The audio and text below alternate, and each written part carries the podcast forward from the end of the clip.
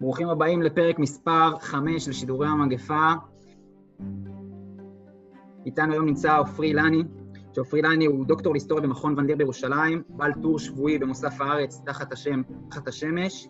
מה שלומך עופרי? היי, מעולה. מצוין. אז אנחנו נתחיל אה, בתוכנית, תוכנית שתעסוק כמובן, כמו שאנחנו מדברים בדרך כלל על משבר הקורונה, המאה ה-21 אה, וכל מה שמסביב. אה, אותי עניין לשאול אותך בתור היסטוריון, כיצד את המשבר הנוכחי? האם אתה רואה פה ניצוצות של שינוי ב... או נקודת מפנה במאה ה-21, למשל כמו במאה ה-20 מלחמות העולם, או בסוף המאה ה-18 המהפכה הצרפתית? האם מדובר פה באירוע בסדר גודל כזה? טוב, אז אני חושב שלהשוות את המצב למלחמת עולם בשלב הזה זה בהחלט מוצר. כן, מלחמות עולם שהכרנו במאה ה-20 uh, דובר על uh, עשרות מיליוני הרוגים, ובכל זאת גם בנסיבות יותר דרמטיות. אז uh, השוואה למלחמת עולם זה קצת מוגזם. אני חושב שכן ייתכן שמדובר על משבר בקנה מידה של המשבר הכלכלי הגדול ב-1929, הנפילה של הקומוניזם, כלומר, אני אה, בהחלט חושב שזה יכול להיות אירוע שמסמן אה, אולי אפילו את ההתחלה במובן מסוים של המאה ה-21 אה, מבחינה מהותית, כן, של האופי שיהיה למאה ה-21 מכאן ואילך. אה, כמו שמלחמת העולם הראשונה סימנה את ההתחלה של המאה ה-20. אבל שוב, זה לא אומר שהאירוע עצמו הוא דומה למלחמת עולם. כן, אני חושב שבנקודה הזאת זה באמת נקודת פתיחה למאה ה-21 ולאופי שהתעצב לה. אני יכול להוסיף בעניין הזה, שאני חושב ככה לא כל כך בגלל שנראה לי אולי שהמשבר עצמו הוא כל כך משמעותי, אבל אני די בטוח שתהיה לו אה, השפעת שרשרת על כל מיני אירועים אחרים. כשהאבק קצת ישקע, או אפילו עוד לפני שהאבק ישקע. הרי זה יגרום לשינויים ביחסי כוחות בינלאומיים. אה, בעצם זה מוציא את העולם שלנו משיווי משקל, והוא לא היה בשיווי משקל כל כך טוב גם לפני. בגלל זה אני חושב שיש כאן פוטנציאל אה, די הרבה בלאגן. הבנתי. אה, בנושא אולי קצת שונה, אבל גם דומה, אנחנו רואים בזמן האחרון, זאת אומרת, מאז ש... הרבה מאזרחי העולם בעצם נכנסו לבידוד. אמ, הפחתה משמעותית, זאת אומרת, בכמות הטיסות ובכמות הנסיעות ברכבים אה, ובכמות הזיהום אוויר שנפלט לאטמוספירה. אמ, והרבה, זאת אומרת, הרבה אנשים שאכפת להם מכדור הארץ, פעילי אקלים, אה, מברכים על כך. אמ, אתה חושב שזה ייקח כיוון חיובי בכל מה שנוגע למשבר האקלים ובטיפול בו? אה, או שבכלל אה, ישפיע על זה בצורה מסוימת, או שזה איזשהו אפיסודה חולפת? אוקיי, okay, אז uh, אני חושב שאם חושבים על הקשר בין משבר הקורונה למשבר האקלים, אז יש שלוש שאלות בעצם. השאלה הראשונה, האם יש קשר סיבתי? האם יש איזשהו קשר בין uh, שינוי האקלים להתפרצות של הקורונה? בעניין הזה אני חושב שהתשובה היא שלילית. אמנם יש כל מיני תיאוריות אה, שבהשפעת, כן, אה, תחת ההשפעה הגוברת וההרסנית של האדם על כדור הארץ, אה, מתפרצות יותר מגפות, אבל בסך הכל אנחנו יודעים שמגפות זה דבר שהיה קיים בעבר, הייתה מגפה גם ב-1918, היו גם מגפות יותר קטנות במאה ה-20. אז אין כאן תופעה חדשה, וזה אולי איזשהו סוג של צירוף מקרים, או ככה דברים קורים, שאנחנו מצד אחד עומדים בפני קטסטרופה אקלימית, אבל אה, הגיע עכשיו המשבר הזה. שאלה שנייה, אה, האם באמת העוצר והסגר וכל ה... אה, העצירה הזאת בתנועה הגלובלית, אה, ובכלל בפעילות התעשייתית, אני לא יודע, תציל אותנו משינוי האקלים. אז בעניין הזה אני לא כל כך אופטימי, כי עם כל הכבוד אנחנו כמה שבועות במצב הזה, שבאמת הוריד את פליטת הפחמן באופן הרבה הרבה יותר דרמטי מכל המאמצים הדי כושלים שנעשו בשנים האחרונות. אבל יחד עם זה, זה רק כמה חודשים. קשה להאמין שהטיסות והתיירות לא, לא תתחדש, אם לא תוך כמה חודשים, אז תוך כמה שנים, כן? ויכול להיות אפילו שהתיעוש אה, יתגבר בקצב מואץ, כאילו כדי לפצות על אה, כל הזמן שחלף.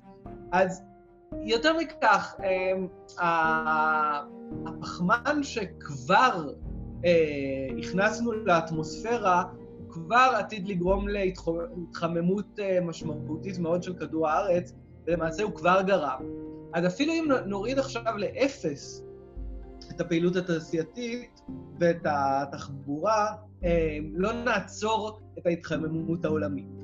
הדבר הכן משמעותי והקשר הכן משמעותי לדעתי הוא שאנחנו רואים איך מדינות אה, מתנהגות ויודעות להפעיל מצב חירום ושליטה די גדולה על האזרחים שלהם וברוטלית למדי, כן?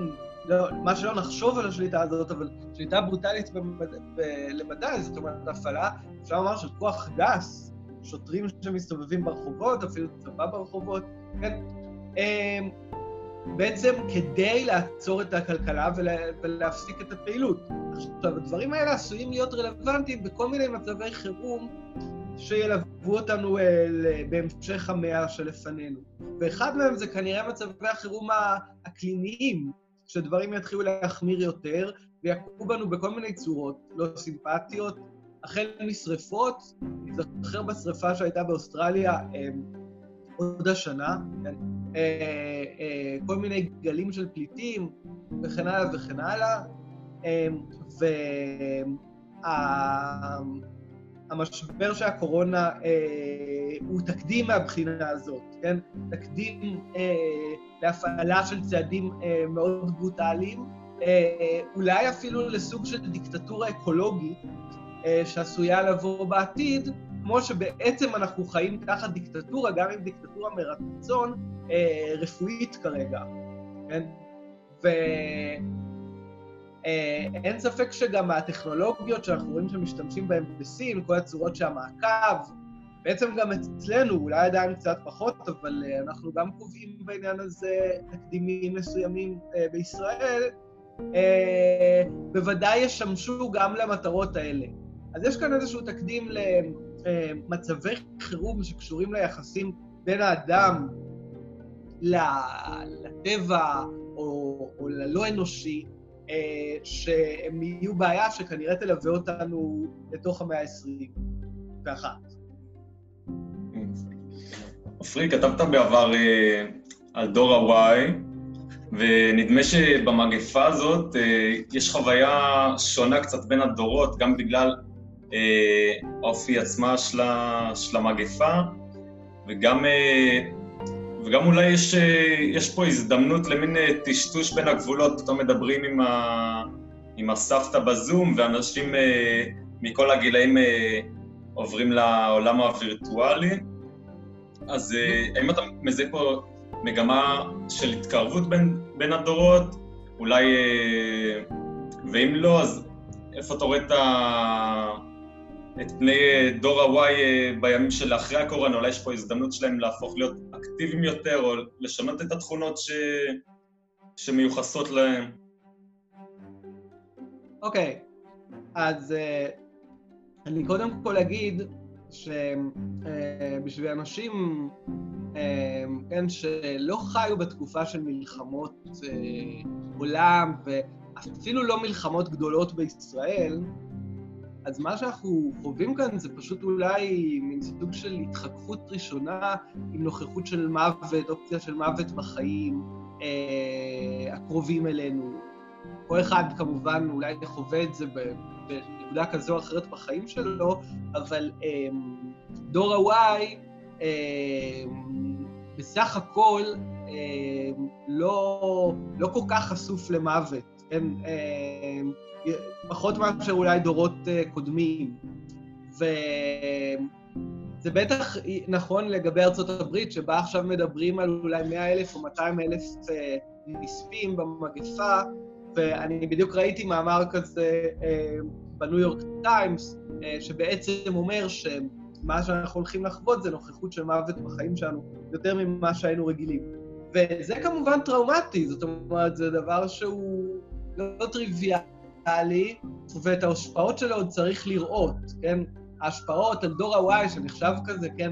לדור אה, רגיש, uh, פתית שלג, snowflake, אה, להתמודד עם משהו אה, באמת קשה. וכמובן, גם התקופה הזאת, כולל הנזקים הכלכליים שלה, אה, היא כבר התמודדות אה, לא קלה. עם זאת, uh, אם אנחנו משווים את זה, הוזכר, כאן בהתחלה, נגיד, חוויה של מלחמת עולם, אז uh, מלחמת העולם הראשונה הגדירה דור מסוים, הדור האבוד, הדור שנטבח ונקטל בשוחות, אה, באמת יצרה פער עצום בינו, בין אלה שהיו במלחמה, שחוו אותה, לבין למשל ההורים שלהם. אני לא יכול להגיד שזה המצב במקרה הזה. בסופו של דבר, באמת קשה להשוות, כן? אנחנו נמצאים כרגע אה, אה, אולי מקסימום אה, בדירות שלנו עם הנטפליקס, וקשה להשוות את זה לשוחות של מלחמת העולם הראשונה, כאיזושהי הגדרה גורית. אז צריך לומר שבשנים הקודמות, שקדמו להתפרצות של המגפה, הייתה איזושהי הסלמה מסוימת ביחסים בין הדורות, גם בעניין הזה לא צריך להגזים. זה שהיו אומרים, אוקיי, בומר, לא, זה עדיין לא ממש מלחמת דורות, כן? אמ, אבל אה, התחיל להיווצר איזשהו ניגוד אינטרסים, ניגוד ב, אה, אולי באורחות חיים, אפילו באתיקה, בין הבומרים, אה, דור הבייבי בום, לבין אה, דור ה-Y וה-Z. אה, אני לא חושב אבל שכרגע אה, מה שאנחנו רואים, בשונה ממה שאנשים מסוימים אמרו, זה מלחמת דורות. בסך הכל נראה שדור ה-Y אה, די אה, מוכן לשאת בעול, לסבול את התקופה הזאת, גם אם האוכלוסייה שנמצאת בסיכון הגדול ביותר זה הבומרים. יכול להיות שבהמשך יבואו בעקבות כך איזה שהן דרישות. אני כן חושב שדברים אה, כנראה אה, בעקבות משברים, ניגודים מתחדדים וכל מיני יחסים שהיו קיימים לפני, אה, מסלימים. אה, בהתייחס למה שאמרת, אה, אני רוצה להתייחס לעוד ממד, לגעת בו. העניין ה... אנחנו חווים פה עניין גלובלי בלייב. זאת אומרת, גם בגלל היכולות, לא יודע, של האינסטגרם עם הסטורי, שאתה רואה מה קורה עם אנשים בכל העולם, וכל השלוש... מיליארדים של אנשים נמצאים כרגע בזמן שאנחנו מדברים בבתים. ואתה התייחסת באחת, באחד מהטורים שלך במוסף לעניין של התפילה בכותל, להתפלל לשלומם של, של הסינים באיזושהי מגיפה, ואז אחרי מספר שבועות זה הגיע לפה, ופתאום אנחנו חווים משהו נורא נורא נורא גלובלי, שלא, אני חושב שבהיסטוריה לא היה משהו כזה אה, בסדר גודל כזה. השאלה אם אחת הפתרונות של המגפה היא בעצם לסגור את הגבולות ולהתרחק, ומצד שני זו סיטואציה שהיא נורא מקרבת ומטשטשת, ופתאום אין פלסטינים ופתאום אין איראן, או ופתאום אה, אין, לפחות על פני השטח אין יחסי ארצות הברית-סין, אה, אז השאלה, מה אנחנו נראה בעולם הגלובלי הקצר של אחרי המהפכה, אה, של אחרי המגפה, נדבר עוד אולי שנה, שנתיים, חמש, מתי שזה כבר לא יפחיד אותנו. אוקיי, okay, אז uh, זה נכון שיש משהו בחוויה שהוא מאוד דומה ממש בכל מקום בעולם. Um, אבל זה אולי דבר שהוא אופייני למגפות, אפילו לא בטוח שצריך בשביל זה את הגלובליזציה. אה, האפקט של אה, דה-גלובליזציה, כלומר של סגירת גבולות, הוא בכל זאת כנראה יותר משמעותי, כי זה דבר חסר תקדים. העובדה שגבולות אפילו בין מדינות באירופה סגורים עכשיו, אה, שיש מדינות שפשוט אי אפשר, לא מכניסות אליהם אנשים בכלל. זה דבר מאוד מאוד חסר תקדים, וזה מעין עצירת בלמים אה, מאוד מאוד דרמטית של הגלובליזציה. יותר מכך, אני חושב שעם כל השיתוף פעולה הבינלאומי המסוים שיש עכשיו, אז uh, המתחים דווקא בהחלט מתחדדים, והמתח בין ארצות הברית לסין לדעתי דווקא כן מתחדד סביב המשבר הזה. סין הרגישה, למיטב הבנתי, די מושפלת מהיחס של ממשל טראמפ למגפה הזאת בפאזה הראשונה שלה כשהיא הייתה בסין, וככל הנראה היא גם מתאוששת עכשיו יותר מהר. עכשיו, בתוך משבר כזה, ובזה בסך הכל יש דמיון אולי למלחמת עולם, השאלה הגדולה בסופו של דבר מבחינת יחסים, אה, אה, יחסי אנוש, סליחה, יחסים בינלאומיים, השאלה הגדולה מבחינת יחסים בינלאומיים, אה, זה החוסן של כל אחד מהכוחות, של כל אחת מהמדינות, ומי מסוגלת לספוג יותר בלי להתמוטט. ונראה כרגע, אפילו אם המגפה בסין לא באמת נעצרה, שהיכולת של סין אה, מבחינת החוסן לספוג את המכה הזאת היא הרבה יותר גדולה מזאת של ארצות הברית. אנחנו כמובן נחיה ונראה, אבל אה, נראה שבארצות הברית אה, הדברים שמתוארים כרגע הם התרסקות מאוד מאוד קשה, ומבחינה זאת בהחלט ייתכן שהמשבר הזה הוא ייתן דחיפה מאוד גדולה לעלייה של סין בתור כוח גלובלי מוביל. וזה גם לא, לא יעבור לגמרי בשקט. כלומר, אה, אני אה, חושש שאנחנו צפויים לראות אה, הרבה מאוד מתחים. כן, אני, אני אשמח שתרחיב על העניין שההתרסקות של ארה"ב, ככל הנראה זה, זה נובע מהעובדה שהנשיא טראמפ די התעלם מהחומרה של המגפה הזאת כשהיא ממש התחילה, ולא נערך כמו שצריך. אתה חושב שזה אולי נובע מתוך איזשהו זלזול אה, באנשי מקצוע ובאנשי מדע בארצות הברית, שהזהירו על זה מראש? זאת אומרת, אתה רואה פה איזה אולי שחיקה מסוימת של, אה, של המעמד של, אה, של, של אנשי המדע או של אנשי המקצוע הרפואיים? כן, אז קודם כל, אני חושב שהמכה שארצות הברית חוטפת היא לא רק בגלל ההיערכות, אלא למשל בגלל היעדר רפואה ציבורית שם, או כמעט היעדר רפואה ציבורית, אה, ועוד כל מיני מאפיינים אחרים. אבל כן, ללא ספק אה, במסגרת הטראמפיזם בשנים האחרונות, הופיע בארצות הברית, כמו גם במקומות אחרים בעולם, אבל אולי בארצות הברית באופן יותר חמור, זלזול, חשדנות מאוד מאוד גדולה כלפי מומחים, אה, כלפי אה, למשל אה, מדענים שמזהירים מפני שינוי האקלים, ובאופן דומה טראמפ זלזל גם מאוד במשבר הקורונה. יחד עם זה, אני חושב שמה שאנחנו רואים באופן כללי בעולם סביב המשבר הזה, זה דווקא את הכוח של רופאים ומדענים. בסך הכל, במובן מסוים, הם אלה שמנהלים עכשיו מדינות, הם אלה שקובעים לפי אה, המשוואות המתמטיות שלהם והחישובים של אה, רמת ההדבקה, את אה, אורח החיים שלנו עד לרזולוציה מאוד מאוד גבוהה. אז יכול להיות שאנחנו דווקא נתונים כאן לאיזשהו סוג של כמעט דיקטטורה של מומחים, ואנחנו עשויים גם אה, לצאת מהמשבר הזה עם תחושה שדווקא שמחנו יותר מדי בעיניים עצומות עליהם. זה מעניין. אה, עופרי, בנימה אישית יותר, וגם לקראת אה, סיום של התוכנית, של הפרק הזה, נשמח לשמוע על החוויה שלך בימים האלה של הבידוד, וגם אם אתה יכול להוסיף אה, טיפה אולי איזה המלצה לתוכן טוב, לאיזה אלבום שאתה אוהב, סרט, איזה ספר. אוקיי. אמ, אפשר גם ספר? אפשר. אפילו, אפילו הכי מומלץ.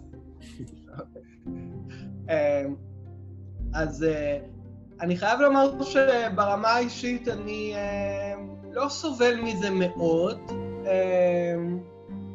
אני אה, נאלץ לבשל יותר משהייתי רגיל, אה, ויש עוד כל מיני שינויים, אבל יש אנשים שסובלים בטח הרבה יותר ממני, אה, אין לי גם משפחה, ואני אה, אה, לא איבדתי את העבודה שלי, כן? אז אה, מצבי יחסית טוב. אה, באופן מסוים אני אפילו אה, אה, יש איזשהו ריגוש, אני, אני אגיד את זה כך, באופן מסוים יש איזשהו ריגוש, התרגשות, שהמצב המיוחד הזה יוצר, במיוחד ב, לפחות בשלב הזה, כשאנחנו גם לא רואים עדיין אה, אה, כן, ערימות של גופות ברחובות או משהו קטסטרופלי כזה, ואני מקווה מאוד שגם לא נראה. אה, אז אה, יש משהו מרגש בלראות אה, באמת אירוע היסטורי, אירוע מאוד דרמטי, יש משהו בחוויה הקולקטיבית אה, שהוא די מסעיר, ויותר מכך, אני כן מקווה שאנחנו נלמד משהו ושזה ישאיר בנו איזשהו חותם, ובמובן מסוים אני לא רוצה שהדברים יחזרו להיות בדיוק מה שהם היו, כי אז באמת נדמה לי שנצעד פשוט לקטסטרופות אחרות ואפילו יותר גרועות, וגם להן לא נהיה מוכנים בכלל. לגבי אה, דבר שאני ממליץ לקרוא, אה, אני ממליץ אה, על ספר טוב בנושא שינוי האקלים. אני יודע שאולי יש אנשים שעכשיו זה לא בדיוק מה שמעניין אותם. ספר שיצא באנגלית, זה The Uninhabited Earth, הוא יצא בשנה שעברה על בעצם החיים אחרי ההתחממות. אה, של אה, דיוויד וואלאס ווייס, שכתב גם אה, אה, מאמר אה, ברוח הזאת שהיה מהמאמרים הנקראים ביותר, וזה תיאור אה, מאוד, אה, בוא נגיד, אה, קודר של זה אה, זה שהרובוטים יחממו אותנו? זה שאנחנו נקרר את הרובוטים? או שאני מתבלבל? אה, דווקא לא זה, אני חושב. זה לא זה? לא, אוקיי. לא, זה לא הספר הזה, זה לא הספר הזה. אה, אז אה, זה תיאור מאוד קודר, אבל נראה לי שעכשיו כשכבר כאילו התנסינו בקטסטרופות, אולי אנחנו יותר, יש לנו מוכנות יותר גדולה לפחות להיות במודעות לדברים האלה. מעולה. עפרי, תודה רבה שהיית איתנו, למדנו המון, היה כיף. שיעבור בכיף ו- ובנעימים, ונשתמע. נאחל לבריאות ושינוי פרדיגמות. יאללה. צ'או צ'או. ההקלטה.